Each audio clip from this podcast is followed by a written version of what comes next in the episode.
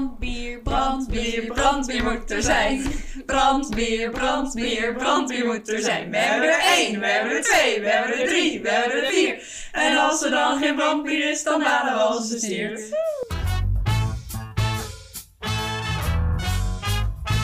Welkom bij de podcast Tussen Wijn en Wijsheid. De podcast waarin wij als vier vriendinnen Anne, Laura, Marjolein en Lisa gaan onderzoeken welke wijsheden wij kunnen opdoen onder het genot van een goed glas wijn. Bij mij had je echt zo'n vlek boven het plafond. Er gingen altijd geruchten over wie het daar uh, tegen de muur aan uh, oh, ja? had gedaan.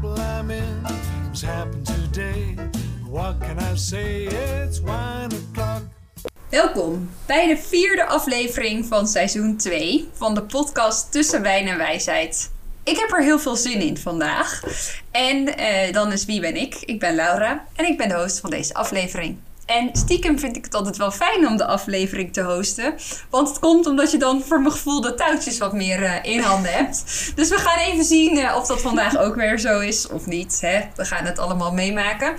Um, maar eerst wil ik jullie even voorstellen aan mijn vriendinnen hier aan tafel. Die ik leerde kennen tijdens mijn studententijd. En uh, de allereerste was een uh, dame waar ik in mijn studententijd mee samen gewoond heb. En um, na de hotelschool verlengde ze haar studententijd nog een jaartje om nog een master te gaan doen. Maar vandaag zit ze hier aan tafel. Laat je horen, Marlijn. Goedenavond. Hallo. Dan hebben we een andere, een vriendin die na een aantal jaren weer besloot om haar studententijd nog een aantal keertjes te verlengen. Eh, om weer een nieuwe studie te gaan doen. Maar ook vandaag even een studieboek aan de kant gelegd. En daar zit ze, Anne. Hallo. Hallo. En dan tot slot de laatste, maar zeker niet de minste. Oeh, tromgeroffel. Ja, onze Cruddy, die tijdens haar studie besloot om nog even extra aan de verdieping op te zoeken. Om nog een extra minor te gaan doen, zodat ze zeker was van haar stagekeuze. Lieve Lisa, laat je horen. Hallo. nou, en stiekem verklap ik hiermee natuurlijk direct het thema van vandaag. Dat is namelijk, we gaan het hebben over onze studententijd. Maar voordat we daarmee, voor voordat we zover zijn, um, we zitten dus in Amersfoort. Uh, dan hoor je altijd de weg en hoor je af en toe een kat op de achtergrond. Want dat is bij mij thuis. Um, dus dat is voor de goede luisteraars. Maar eerst even een terugblik naar de vorige aflevering. Um, hebben we nog reacties gekregen? Of hoe hebben jullie teruggekeken op afgelopen weken? Ik heb uh, echt met samen geknepen billen geëdit. Ik vond het best wel... Uh ja, toch wel een spannend thema. En ik was, ja, het ging een beetje een baas voorbij. En ik was dan wel benieuwd van, wat hebben we ervan gemaakt? Dus, uh, um, maar uiteindelijk heb ik dat ook wel losgelaten hoor. Ik dacht van, nou, we hebben ons best gedaan. En um, ja, en qua reacties, hebben we nog reacties gehad, meiden, via Instagram of...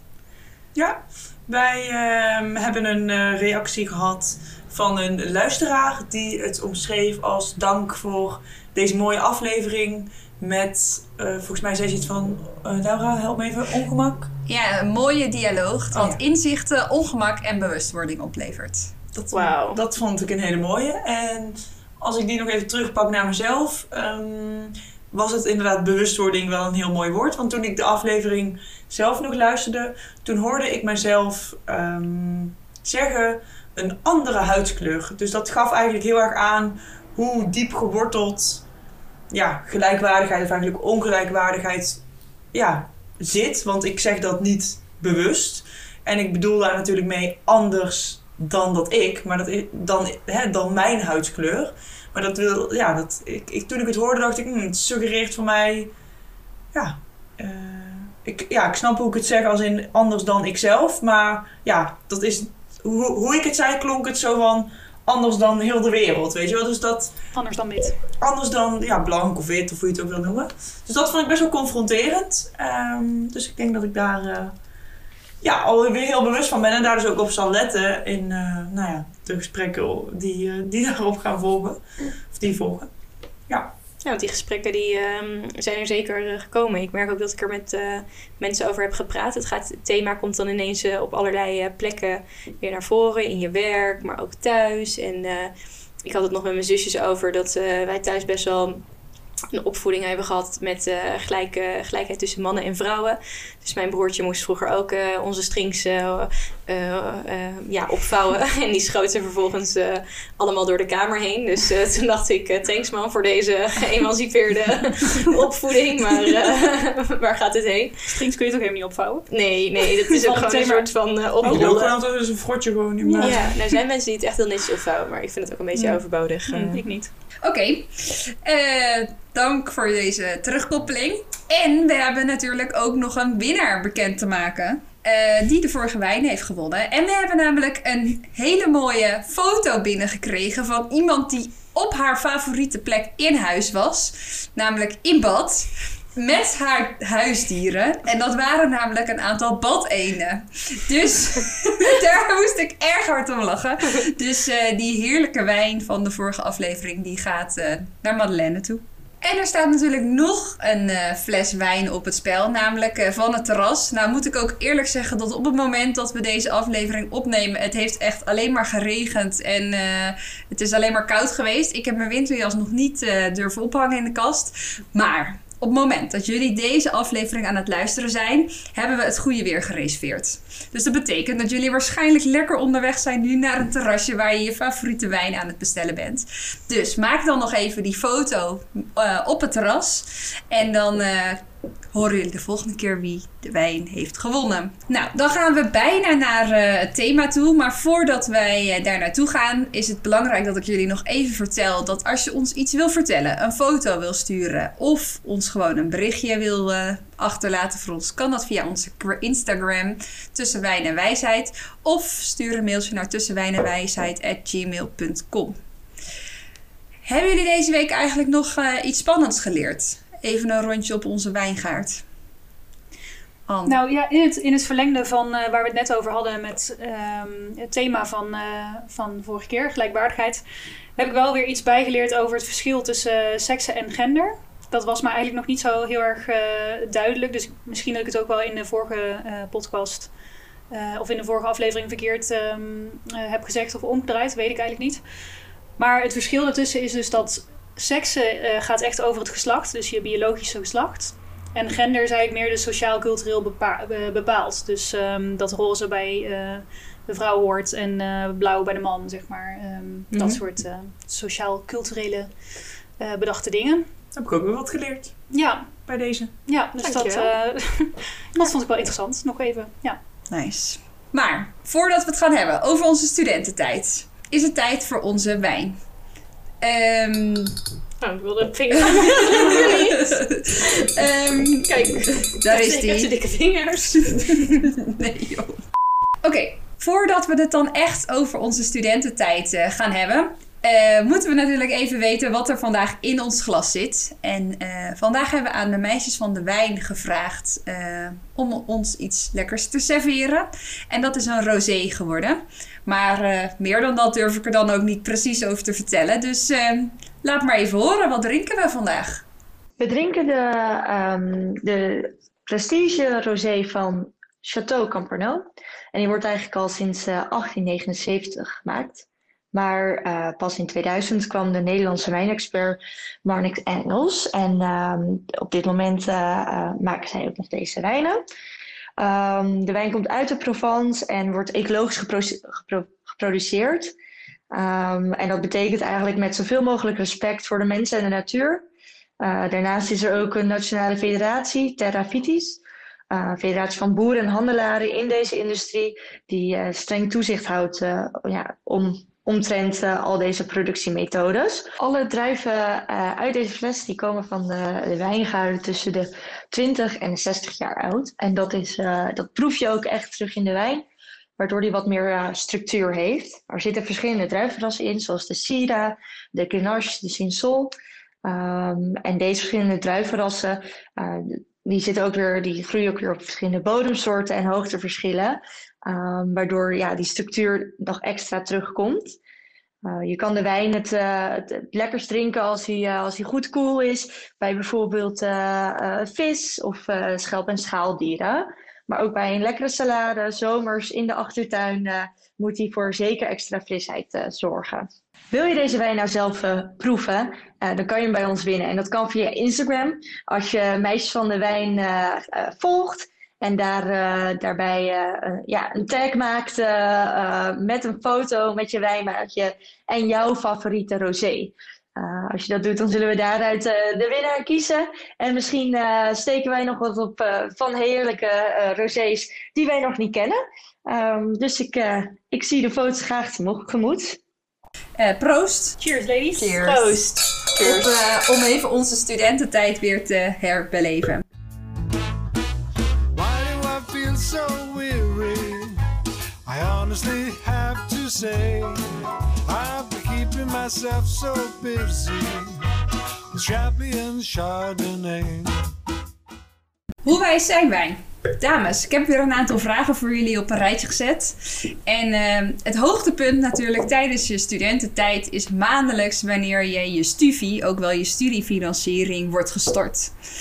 Um, de gemiddelde studenten in Nederland zijn daar erg blij mee als ze het weer krijgen er is een instelling in Nederland die uh, exact bijhoudt wat de bedragen zijn die worden overgemaakt. Dat is namelijk DUO. En weten jullie dan waar DUO voor staat? Dienst. Uitvoerend, onderwijs. Ja. Dienst, uitvoering, onderwijs. Dienst, uitvoering, onderwijs. Ja. Ik weet vooral nog hoe lang je altijd daarmee aan de telefoon hing, als je wat wilde weten. Was altijd echt een half uur of zo stond je in de wacht. Kun je bellen? Hm? Ik heb nog nooit gebeld. Heb je nooit gebeld? Ik ook niet. Nee. Maar Stufie is toch niet meer nu? Uh, nou, het is, niet, het is niet meer Stufie, maar het is natuurlijk, je kan nu uh, in het nieuwe leenstelsel, uh, kan je wel nog geld lenen. En dat wordt wel uitgekeerd door Duo. Maar het is altijd een lening, het is geen... Ja. ja. En dat is dan ook een mooi haakje gelijk naar mijn volgende vraag. Um, in het oude stelsel was het gemiddelde, de gemiddelde studieschild zo'n 15.000 euro. Dus dat was het bedrag wat mensen moesten terugbetalen na, uh, na zeg maar, toen wij nog studeerden. Mm um, maar nu is het zo natuurlijk dat je dus een lening hebt. En het Centraal Planbureau in Nederland heeft uh, een uh, berekening gemaakt. Um, en wat denken jullie wat, met het, uh, wat tegenwoordig de gemiddelde studieschuld is? Als we weten dat in onze tijd was dat nog zo'n 15.000 euro. Met het nieuwe leenstelsel bedoel je? Ja. 50.000 euro. Oeh, dat vind ik wel hoog. Nou, ik denk dat het wel meer is. Ik denk iets van 35.000. Nou, ik zat echt aan 65.000 euro te denken. Want je krijgt dan niks meer, hè? Ook geen collegegeld en zo. Uh, ja. Je krijgt dan geen, je krijgt dan geen, je krijgt ook geen inwonende en uitwonende beurs meer. Nee, maar het is wel zo dat je als thuiswonend uh, meer krijgt of kan lenen dan wanneer je thuiswonend bent. Nu als, je twee... als je uitwonend bent, kan je meer lenen dan ja. thuiswonend. Maar het is niet zo hoog als dat jullie denken. Oh. Uh, het Centraal Planbureau die uh, zegt dat het zo'n 6000 euro scheelt met studenten die thuis wonen. En dus 6000 euro meer, dus dan okay. kom je op 21.000 euro. En 9000 euro voor de studenten die uitwonend zijn. En dat komt dan uh, neer op een gemiddelde studieschuld tussen de 21.000 en 24.000 euro. Okay. Maar ik las laatst wel um, iets erover dat mensen dus ook minder lang gaan studeren. Ja. Dus dat ze ook misschien minder masters gaan doen en dat soort dingen, wat wij natuurlijk wel gewoon nog deden. Uh, ja, mensen, er gaan denk ik überhaupt gewoon minder mensen studeren. Het was ook met de verkiezingen natuurlijk een hot uh, topic. Uh. Ja. ja. Maar goed, het goede nieuws is dat er ook best een, een grote groep van een aantal studenten ook een betaalde baan heeft of een betaalde stage. Hoeveel procent van de studenten denken jullie dat dat is in Nederland? Ik denk dat je op dit moment bijna wel moet.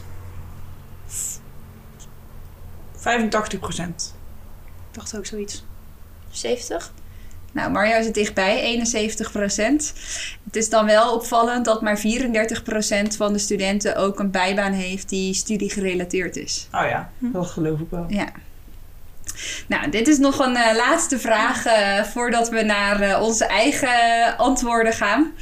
Uh, studentenkilo's. Ik weet namelijk nog Oh, dat ja. toen we naar de hotelschool gingen, waar wij elkaar natuurlijk van kennen, dat eh, studenten gemiddeld 8 kilo aankwamen in het allereerste jaar. en om maar, maar met de deur in huis te vallen, weet ik ook dat Marjolein zelfs nog van haar moeder een weegschaal kreeg eh, na het horen van dit verhaal. Ehm, omdat haar moeder toch bang was dat ze met die 8 kilo thuis zou komen. Cadeau, hè? Thanks, Yo. man. Maar goed, ik was natuurlijk reuze benieuwd. Wat is dan gemiddeld in Nederland? Want wij zaten op een hotelschool waar nogal veel gegeten en gedronken werd. Eh, maar wat is dan gemiddeld in Nederland? Hoeveel mensen aankomen? Ja. In kilo's? Ja. Zes. Vijf. Vier? Ik denk ook wel vijf. Vijf. Maar ik denk ook wel gewoon acht, eigenlijk. Nee, het gemiddelde van universitaire studenten is 4 kilo tijdens hun studententijd. Maar er is een opvallend verschil tussen mannen en vrouwen. Want bij mannen is het 5,7 kilo. En bij vrouwen slechts, tussen haakjes, 1, eh, 2,2 kilo. Hm. En eh, vooral mensen die lid zijn van een studentenvereniging, die zeggen hallo vloeibare kilo's. Daar moest ik ook van lachen. hey, we gaan door eh, naar onze eigen studententijd. En eh, om maar eh, een haakje gelijk door te pakken. Hoeveel kilo zijn jullie aangekomen tijdens je studententijd? Nou, die 8 kilo heb ik wel aangetikt. eh, dat, eh, Ik durf het je echt niet te zeggen, eerlijk. Nee. Ik heb toen, namelijk toen ik studeerde, had ik niet echt het idee dat ik heel veel was aangekomen. Maar als ik kijk naar, even als voorbeeld, ik heb in het, na het eerste jaar een broek gekocht. Die heb ik trouwens vandaag aan, tot toevallig. En die was onderdeel van een pak, want je had eerst een schoolpak en daarna mocht je dan een eigen pak. En eh, die heb ik in mijn studententijd aangehad. Die is toen op een gegeven moment had ik een nog mooier pak, was die in de kast beland. En die heb ik dus mm, twee jaar geleden weer uit de kast gehaald. En toen kon die gewoon, zakte die dus van mijn broek af. Van mijn kont af Oh ja, bedoel ik. Dus ik heb hem nu ingenomen, dus nu past hij weer. Dus blijkbaar, ja, ik denk dat ik dan toch wel misschien een kilo of vijf wel heb gehaald. En nu dus dat weer afgevallen bent. Ja, ik denk het. Ik heb me nooit dikker, heel veel dikker gevoeld of zo.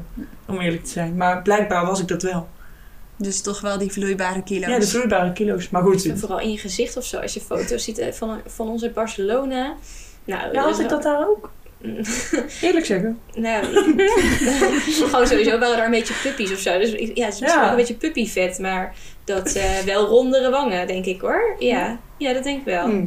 Maar we aten daar ook alleen maar chips en tapas, dus eh, dat, Ja, dat is waar. Nou, laat ik het op 5 kilo houden. Gok ik. Ja, er is ook niks verkeerd Ja, aan. 5 kilo, denk ik. Ja, Lau. Ja, ik heb ook wel een beetje fases gehad. Dus eh, er waren tijden dat ik daar ook wel veel eh, meer bewoog dan op andere momenten. Ik fiets nu bijvoorbeeld helemaal niet meer. Maar een tijdje dat Marjolein en ik eh, naar de andere kant van de stad moesten fietsen. Dan fietsten we gewoon drie kwartier per dag. Want het was echt een takkeneind. En dan deden we ook nog veel sporten. Dus dan, ik geloof dat in die tijden dat het allemaal best wel meeviel qua kilo's. Maar op de campus, ja, dan zat je op je kamer van 9 vierkante meter. Je rolde letterlijk naar school. En de, ik keek ook nog eens uit op de bar. En eh, nou ja, sporten dat stond helemaal niet in mijn woordenboek. Dus ja, daar, daar gingen de kilo's wel hard. We hebben volgens mij wel echt bijna vanaf het begin zo'n sportabonnement gehad. Dat, eh, alleen het eerste half jaar niet. Ik ben ook echt het eerste half jaar heel veel kilo's aangekomen. Maar na die zomer hebben wij volgens mij toen wel gelijk eh, bij die Basic Fit nog met... Ja, dat eh, was Ian. 24 uur. Dat was toen de eerste... Totdat je weer op stage ging waarschijnlijk. Ja, en toen eh, ging ik een rondje op het park heen. En het park was niet zo groot. Nee, dat heb ik wel eens in eerdere podcast verteld, toch? Dat ik op een gegeven moment de trappen gewoon niet meer op kon in het appartement waar wij woonden. Omdat ik dan helemaal, helemaal buiten adem was. Maar hoeveel kilo denk je? Op zijn hoogtepunt? Plus? Hoeveel? Ja, ik denk 6, 7. Ja. hey, maar toen wij, eh, we kan namens, voor- nou ja, volgens ons alle vier spreken, is dat we eh, van, hè, van een middelbare school waarin je thuis woont in een warm bad, eh, op kamers moest eh, gaan wonen. Hoe was dat voor jullie? Hoe, hoe hebben jullie dat ervaren? Ik vond het best wel spannend, want op die open dag eh, zag ik toen heel erg van dat mensen de hele tijd bij elkaar zaten en zo op die kamers. En dan dacht ik van, oh, ik heb er eigenlijk helemaal geen zin in, weet je wel? Dat, dat geklit de hele tijd bij elkaar. Dus ik Maar was dat komt door de campus. En misschien dat we dat nog even moeten door de- uitleggen. ja, door de campus inderdaad. En dat, daar, daar keek ik dan naar zo van, oh, ik weet niet of ik zo'n sociaal dier ben. Dus dat vond ik wel spannend. Ehm, maar verder had ik daar ook wel gewoon zin in. Ik had ook wel zin om eh, te gaan studeren, weet ik nog. En dan moest je ineens echt voor jezelf gaan zorgen, waar wellicht eh, daarvoor eh, Ja. meer voor je gezorgd werd. Hoe heb jij dat ervaren? Mm, ja, ik vond het op zich wel eh, lekker, ook die vrijheid of zo. En ik kreeg in het begin ook nog wel bakjes eten mee van mijn moeder. en vaak deed ik dan ook gewoon koken voor twee dagen en weer in een bakje. Maar ik vond het op zich wel relaxed. op onze mooie gaspitjes uh, ja. hebben we heel vaak risotto gemaakt. Ja, dat was wel echt het hoogtepunt uh, van de week als we weer risotto gingen maken. Ja. Duurde echt een, eh, super lang natuurlijk op zo'n zielig pitje. Ja, en we maakten dan ook wel voor veel mensen. Voor een stuk of vijf, zes gingen we dan wel mee eten. Ja, ja dat, we hadden ook wel vijf of zes pitjes nodig om risotto te maken. Dus uh, dat, uh, dat was dan een Al die pitjes bij elkaar. Ja, en ik herken wel wat jij zei, Anne, over die soort van sociale druk die je ook wel ergens uh, voelt. Ik had wel toen ik aankwam op die hotelschool uh, op zo'n open dag dat ik echt dacht: wauw, dit vind ik echt fantastisch. Iedereen een beetje leuk op dat grasveld. Het was een zonnige dag en gezellig. En iedereen was heel geïnteresseerd in uh, wat je kwam doen en wat je wilde weten. Maar toen ik er eenmaal woonde, vond ik wel het best wel soms lastig met die, het open deurenbeleid. Van oké, mag je ook je deur dicht doen als je even geen behoefte hebt aan contact. dat ja. ja. Voelde een beetje als not done, toch? Dat, uh, ja, dat je dan deur dicht te doen. ja. ja, nou deed ik dat wel. Ik had er wel gewoon scheid ja, aan. Maar ik, vond het wel aan, Nee, en vooral wat, wat er allemaal aan die muren kleefde. Dat, uh, ik weet nog wel, bij mij had je echt zo'n vlek boven het plafond. Nou, ik weet niet wie het daar allemaal... Oh, nee, dat is ik niet. Er gingen altijd geruchten over wie het daar uh, tegen de muur aan uh, oh, ja? had gedaan. En dan lag ik dan lekker s ochtends aan het kijken.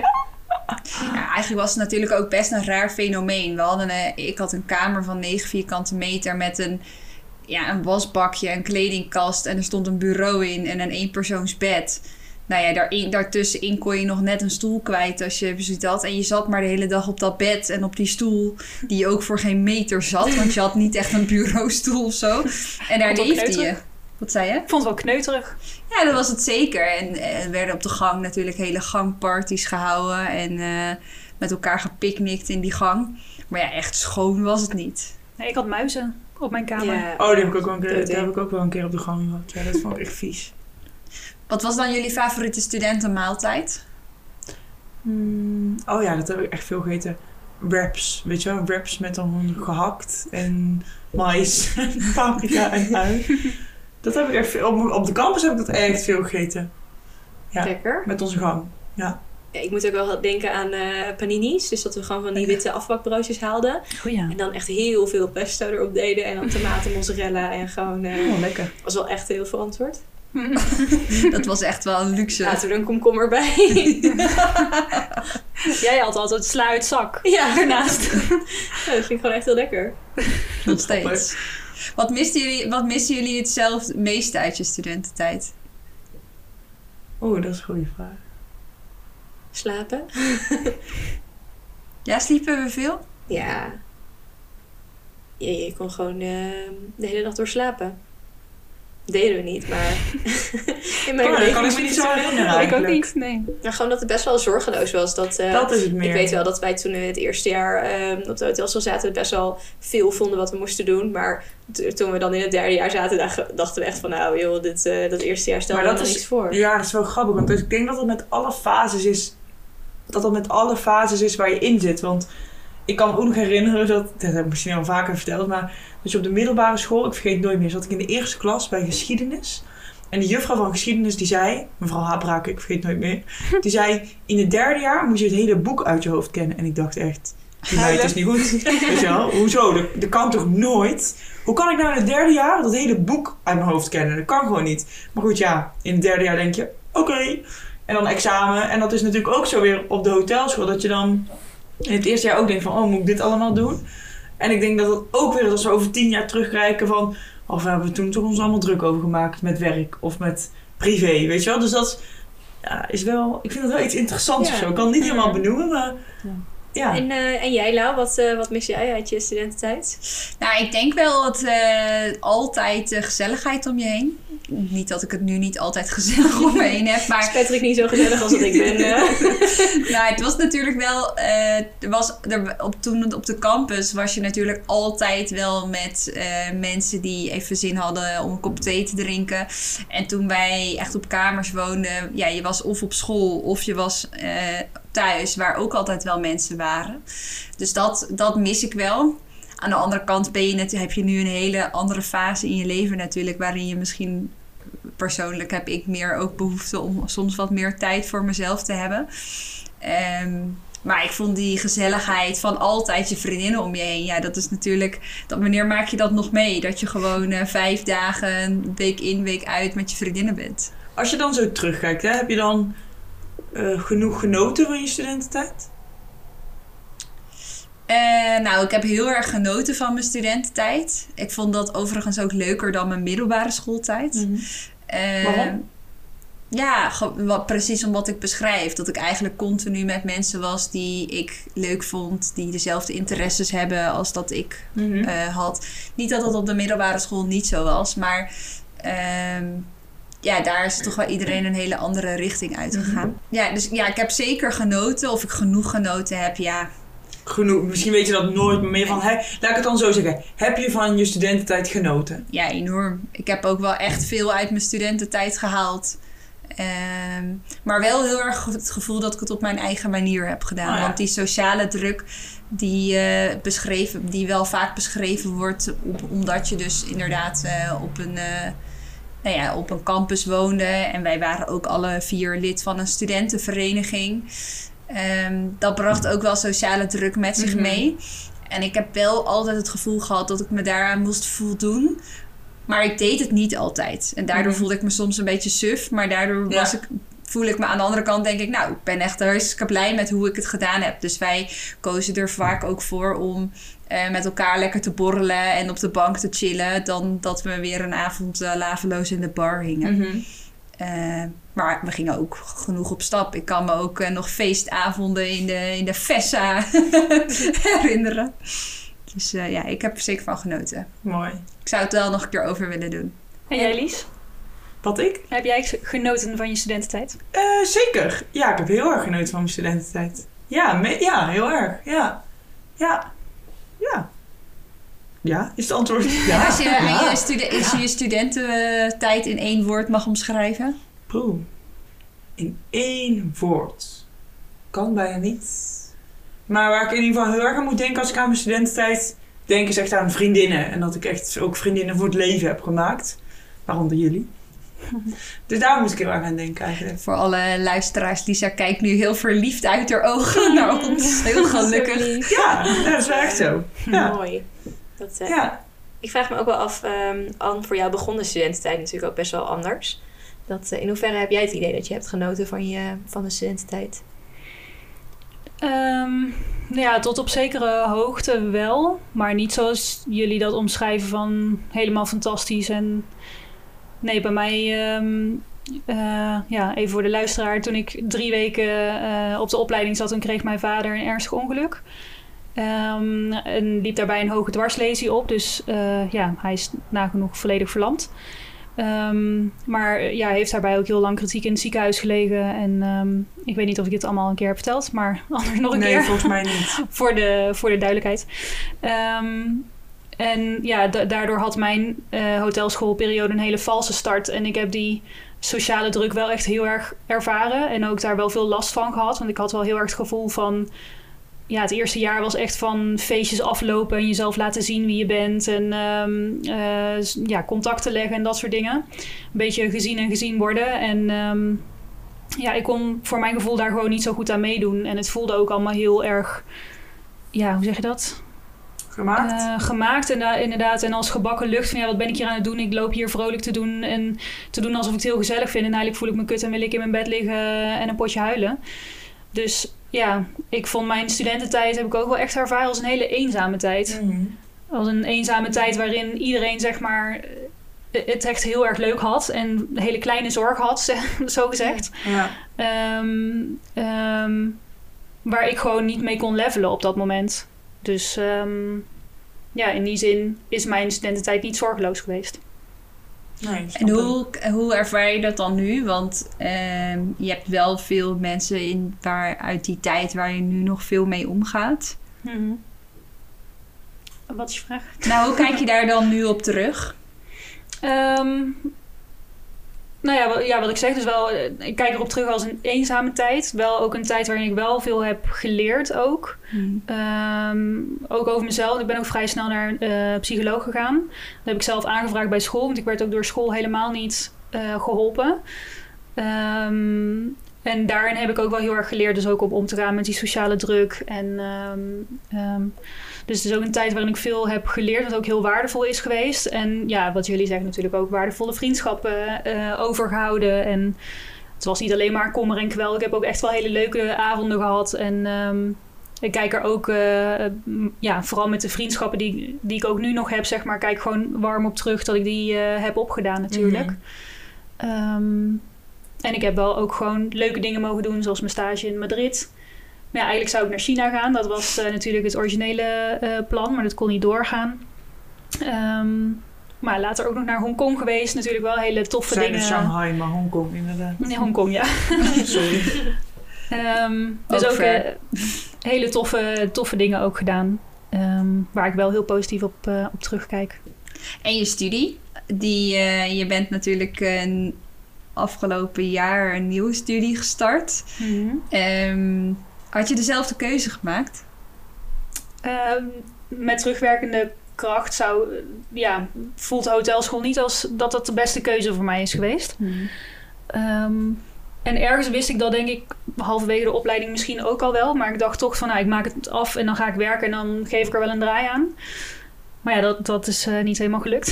dus uh, vandaar dat ik toch maar weer opnieuw ben uh, gaan studeren. Dus ja, met terugwerkende kracht zou ik zeggen, ik heb een verkeerde keuze gemaakt. Voor zover die verkeerd was. Ja, want, ik wou zeggen, ja. want je hebt er denk ik weer heel veel andere dingen uitgehaald. Ja, ik zit er nu wel met, met jullie aan tafel, dus dat kan natuurlijk nooit verkeerd zijn. Lief. Nou, maar je zegt, je hebt, er wel, je hebt er wel...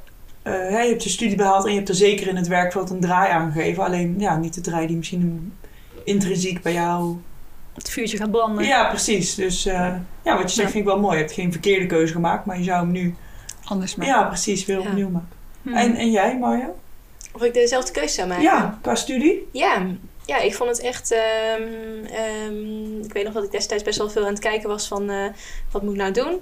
En uh, toen ik op een gegeven moment had bedacht van... Uh, ik zet dat filter eens een keer op HBO. Toen kwam er echt alleen maar hotelschool uit. En facility management. En ik had het ook altijd erg naar mijn zin op werk. Ik had toen ook een bijbaan in de horeca. Dus ja, ik heb daar wel... Ik vind de hotelschool een opleiding waarin je heel veel over jezelf leert. Heel veel leert over hoe het is om um, te werken met anderen. Samen te werken. Um, heel veel leuke dingen doet. Uh, ja, ik, als een soort van een verlengstuk van je opvoeding of zo. Dat, uh, Mooi. Uh, ja, ik vond het echt een hele waardevolle opleiding. En kijk er met heel veel plezier op terug. ook op de mensen die ik er heb ontmoet. Maar ook op de dingen die we hebben gedaan en de kansen die we hebben gekregen. Dus ook stages en mm-hmm. ja, echt wel hele toffe dingen. Ik vind het ook grappig dat je zegt dat het een verlengstuk is van je opvoeding. Ik heb ook echt het gevoel dat we daar letterlijk werden opgevoed op sommige vlakken. We moesten uh, de deur voor iemand openhouden. Dat was, uh, als je dat niet deed, dan werd je erop aangesproken. Als je een gat in je broek had, weet je wel, in de tijd waren de gatenbroeken hip. Uh, nou, dat kon echt niet. Als je examen moest doen, dan had je echt een netjes pak aan of een net jurkje en je hakken. Want je kon, kon niet op je sneakers examen komen doen. Nou, zo kan ik er nog wel even Ja. tien uh, opnoemen. Ja, zeker. Ja. En ook wel de, dat je elkaar erop aansprak of zo. Ja, je, dat leerde je wel ook. Uh, ja, je had natuurlijk dat schoonmaakrooster. Dat moest ik ook meteen dan denk ik op de campus. Het ja, en uh, als jij chef uh, schoonmaak was die week, dan moest jij je medestudenten aanspreken als ze het niet goed hadden gedaan. Of je moest het zelf gaan doen. Ja, dat, dan leer je wel om mensen aan te spreken op hun verantwoordelijkheden. Dus dat gaat eerst ook een paar keer verkeerd. Maar hmm. ik denk dat je daar echt wel veel van leert. En ik zal nooit vergeten dat. Um, we ook een keer een project hadden met een groepje en daar kwamen we ook niet helemaal lekker uit. En uh, dat een docent ook zei van, uh, ja, in je latere leven moet je ook met iedereen kunnen samenwerken. Ja. En een goede manager kan aan iedereen leiding geven. En dat is me altijd wel heel erg bijgebleven. Als ik, uh, daar denk ik nog vaak aan terug. Als ik met iemand een lastig gesprek heb of dat de samenwerking niet lekker loopt, dan denk ik altijd, ja, dan denk ik daar echt aan terug. En van, oké, okay, hoe kan ik het toch weer op een andere manier aanpakken? Want ja, je zult met zoveel mensen door een deur moeten. Ja, mooi. Ik moet ook wel, als ik dan aan die campustijd terugdenk en dan aan het koken, Mario, dan heb, moet ik ook aan een verhaal uh, denken. Wat, wat, ik zelf helemaal niet kan vertellen. Maar ik weet dat jij ooit het brandalarm hebt laten oh, afgaan op de campus. Oh, als ik dit hoor, dan denk ik... Maar ik heb dus echt die, ik heb die blusdeken dus nog. Ik dus ook. Die als, als ik hem heb, dan ja. moet ik aan jou. Ja. ja. en toen kende ik jou nog niet echt. Dus vooral ook aan, aan Romy denken. Die ja, oh, toen heel veel waren we... Nou, het was eigenlijk op die campus uh, eigenlijk niet uh, toegestaan om daar te koken. Maar het werd gedoogd. Net als het drugsbeleid in Nederland. Een beetje hetzelfde principe. of het drugs- en seksbeleid in de campus. nou, dat ook. En ehm, ja, ik weet nog wel dat wij inderdaad een keer op haar kamer zaten. En zij gooide een stuk uh, gehakt in de pan. En daar kwam gewoon heel veel rook vandaan. En uh, ze doet de deur dicht en het uh, brandalarm ging af. Maar ja, daar werd door school best wel zwaar aan getild. Dat dat Um, dat het was afgegaan en uh, de brandweer zat vlakbij. Dus drie brandweerauto's, de hele campus uh, ontruimd. En we hadden er wel gelijk twee kunnen afbellen. Doordat we echt wel snel hadden gehandeld. Dus er was iemand bij ons die BFV had. Dus die had gelijk um, gebeld van het is loos alarm. Maar uh, alsnog moesten we echt door het stof heen dat, dat we daar aanwezig waren. En ja, een opdracht voorzienen. En we hebben een demonstratie georganiseerd met de brandweer. En brandblusdekens verkocht. Brandblusdekens verkocht. Dat uh, dat is ook de reden dat iedereen in mijn omgeving een brandblusdeken ook nog steken heeft. Dat, uh, maar ook, uh, ja, dat, ja, dat hoort er ook wel bij die campus hacks. Ik zal haar naam niet noemen, maar daar heb ik ook geen, daar die geen goede herinnering aan. Ja, dat denk ik ook.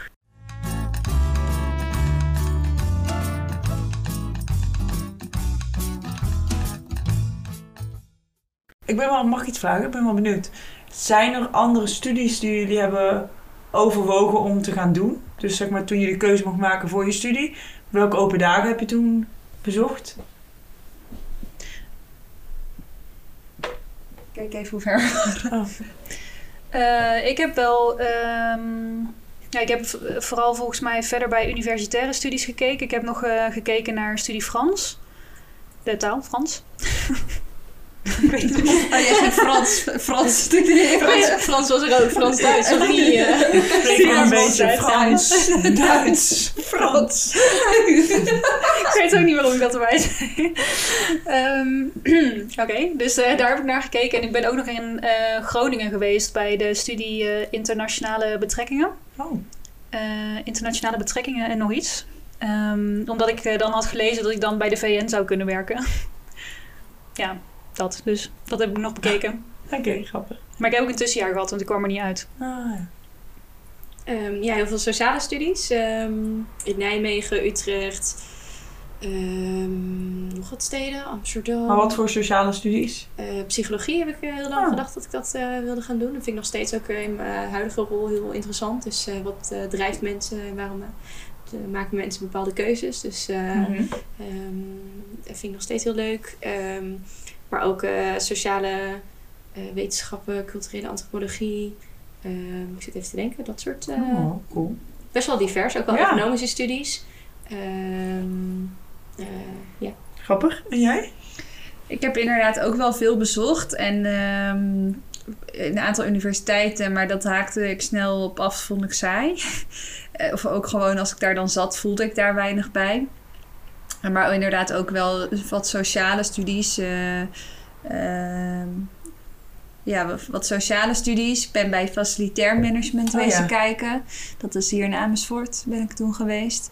En ik ben ook wel op an- veel andere hotelscholen gaan kijken. En ik wist eigenlijk al vrij snel van, eh, dat ik toch wel naar de hotelschool wilde. En toen ben ik ze eigenlijk allemaal gaan bezoeken om te voelen van waar wil ik dan het liefst Oh, ja. heen. Dus ik heb ook wel op meerdere scholen selectie gedaan. Maar mijn voorkeur ging uit eh, naar Maastricht. Ja, en daar ben ik uiteindelijk Ja. uh, terechtgekomen. Ja. Leuk, wat grappig. En jij? Ik heb ook veel hotelscholen bezocht.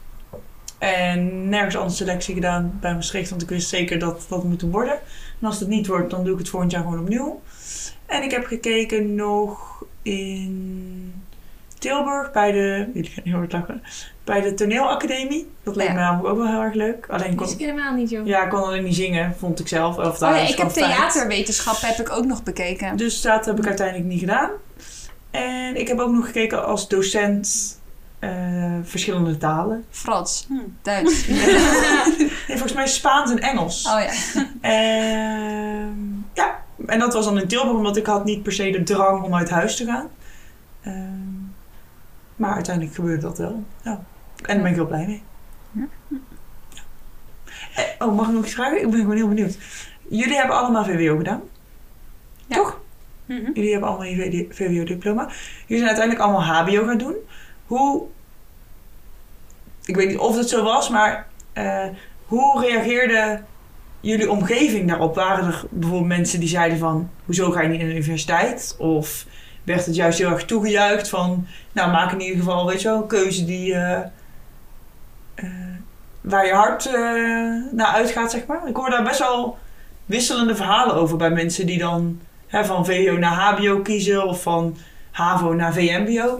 Nou ja, ik vind, bij mij was er echt veel commentaar. Ik kreeg echt opmerkingen van, hoezo ga je naar het HBO ja, toe? Ja, serieus? Ja, echt veel. Daarom vraag ik het, daarom, ik vind echt het zo veel. bizar, ja. En, uh, maar ik heb me daar echt nooit wat van aangetrokken. Omdat ik echt zo duidelijk wist van...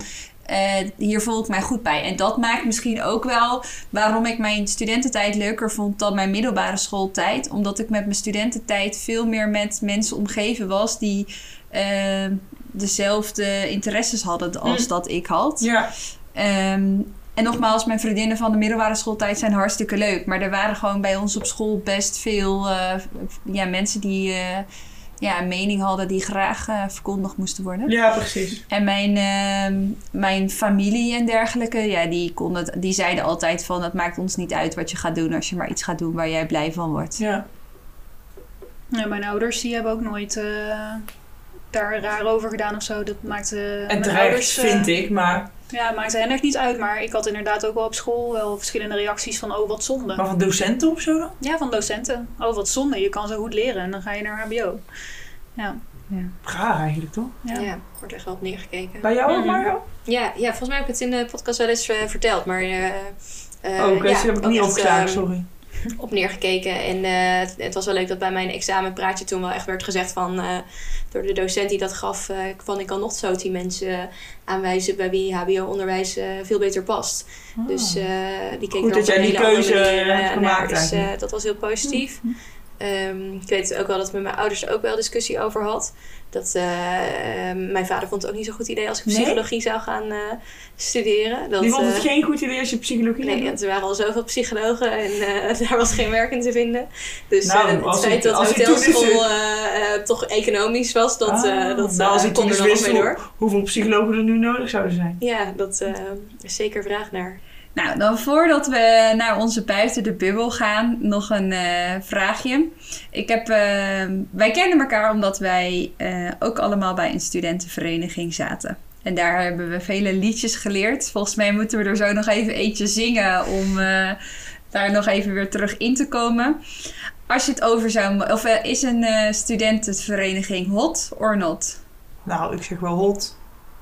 Ik denk dat je dat, dat je uh, dat dat je studie, nou niet per se je studie, maar je, je studieleven, studentenleven, studententijd, wel echt extra kleur en jeu en uh, ook leerzame momenten kan bieden en vooral gewoon heel veel fun en lol.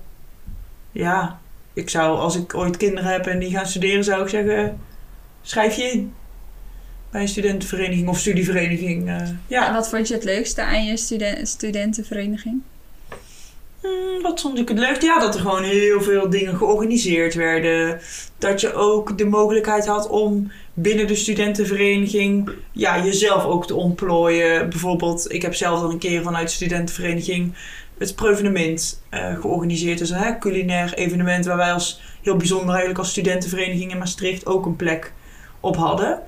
Um, ja. ja, dat vond ik dus. Er werd heel veel leuke dingen georganiseerd, heel veel fun, maar je had ook nog zelfs de combinatie om je, ja, jezelf in een soort van veilige omgeving te, te ontplooien. En dat vond ik wel echt heel, uh, heel mooi aan en heel leuk. Ja. Ja, ik vind het ook zeker een toegevoegde waarde aan uh, je studententijd. Ja. Goed netwerk ook, denk ik. Ja, ook.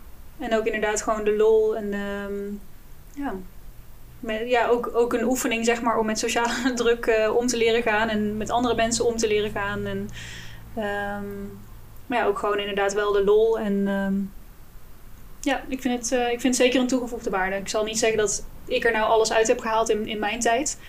Um, maar als ik dat over zou kunnen doen, zeg maar, zou ik dat wel anders uh, doen. Zou er meer gebruik van maken. Ja, sowieso. Ook, ja. Ik ben uh, team studentenvereniging, dus ja. En jij zelf nou? Ja, ik ook. Ik denk wel dat ehm, ik was helemaal niet thuis in de studentenvereniging. Ik, ik ook niet. Geen idee toen ik naar Maastricht toe ging. En uh, ik dacht dat we gewoon een soort uh, weekend hadden dat we elkaar ja. beter gingen oh, leren kennen. Gewoon een weekend naar de Ardennen of zo. Ik dacht ik. Dat dacht ik. Dus um, zo werd het ook wel een beetje gepresenteerd. En dat, hoort dat je dan dus. Ook gewoon zo. En dat je, ja, wij hadden wel een soort van, nou, wel, als je het vergelijkt met de rest van Nederland, milde ontgroening. Maar ik vond het best heftig, zo'n heel weekend. Maar het is vooral ook als je het niet verwacht, natuurlijk. Ja, ik dacht idee. echt, we gaan, naar, we gaan kamperen of een beetje nou, zo. En het was min 12. Het was gewoon niet eens verantwoord om uh, Het was nog kouder. Zijn. Het ja. was echt een van de koudste winters uh, in tijden. De, zomer, de, de verwarming die was uh, dichtgevroren. Ja. Ik weet dat ik in mijn skibroek liep. En, oh ja, ik ook, ja. Ik had ook geen skibroek, skibroek ingepakt. Ik stond er gewoon op mijn All-Stars met van die plastic zakjes erin. Ja. Echt. Oh ja, je voeten moesten in van die plastic zakjes ja. om ze warm te houden. Ja. Nou ja, goed. Kijk, weet je, ik kan er nu enorm hard om lachen en op enorm erg vrolijk op terugkijken. Alleen, ik had me wel destijds even iets beter moeten voorbereiden. En uh, dat zou ik dan ook mijn kinderen meegeven als ze ooit uh, bij een studentenvereniging uh, gaan doen. Hoe we dat introductie gaan lopen. A-tijd gaan lopen. Dus ja. Ja, ik, ik zit nou ineens te denken. Ik denk dat ik dat advies hopelijk en misschien wel eerder kan uitdelen aan mijn zusje natuurlijk. Oh ja. ja. Dus misschien nu is het binnen eigenlijk. Ja, ja grappig.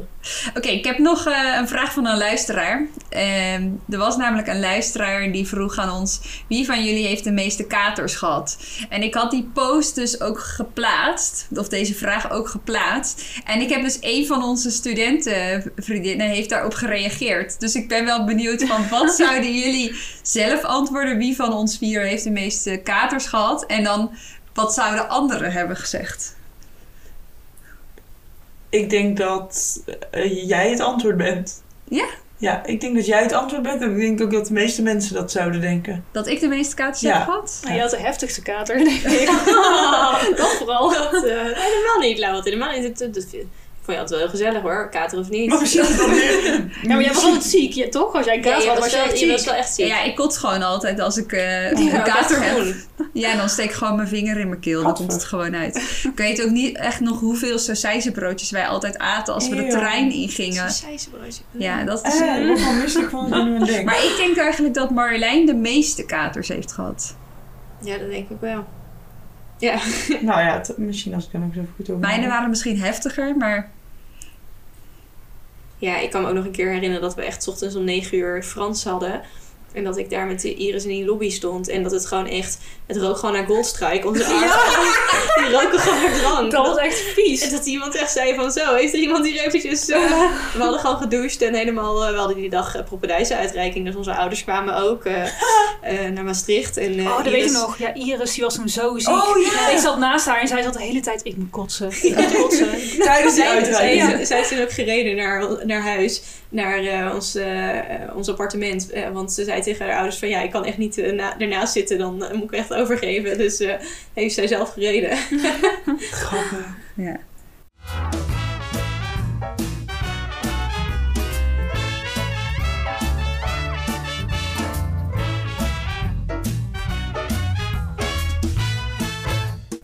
Maar zo nieuwsgierig als we zijn, wij zijn al een jaar of eh, vijf, zes, eh, geen eh, studenten meer helaas. Maar ander wel weer. Ik wel. Weer, ja. In coronatijd.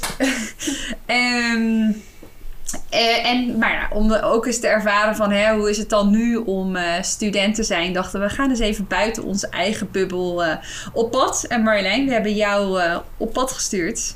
Vertel. Zeker. Dat, eh, ja, ik heb mijn eh, neefje gevraagd. Die is eh, begin dit jaar eh, begonnen met studeren. Ik zit even te denken of ik dat goed zeg. Ja, dat, door die coronatijd vergeet ik af en toe de jaartallen. En ehm, eh, ja, ik weet dat hij in, in het begin van de studententijd in Nijmegen is gaan wonen. En er toch uiteindelijk ook weer weg is gegaan.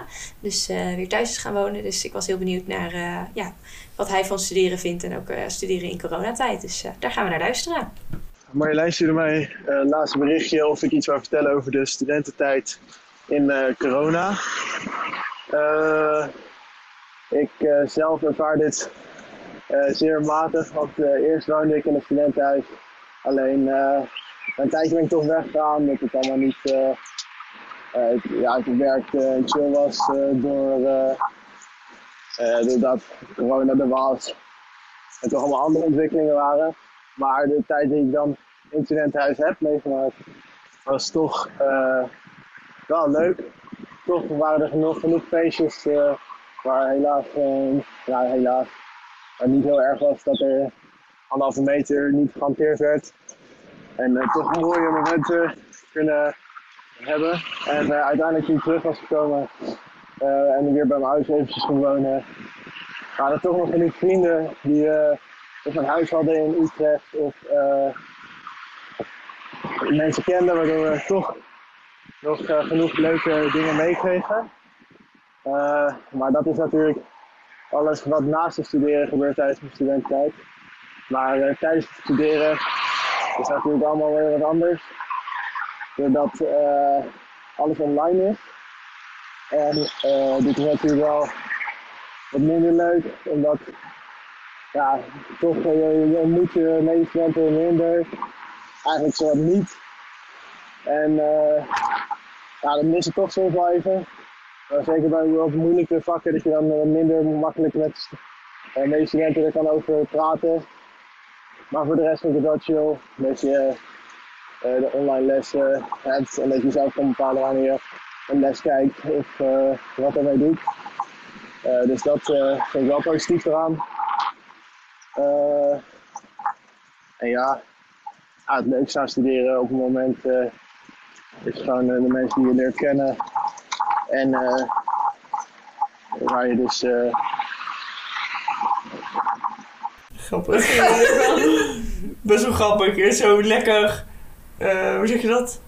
Lekker ook, dit was echt lekker tempo van een student. Weet je gewoon in het vertellen. Gewoon, gewoon chill. En nou, wat me eigenlijk opvalt is dat ik het idee heb dat hij uh, hij is dan wel weer verhuisd, als ik het goed begrijp. Mhm. begrijp.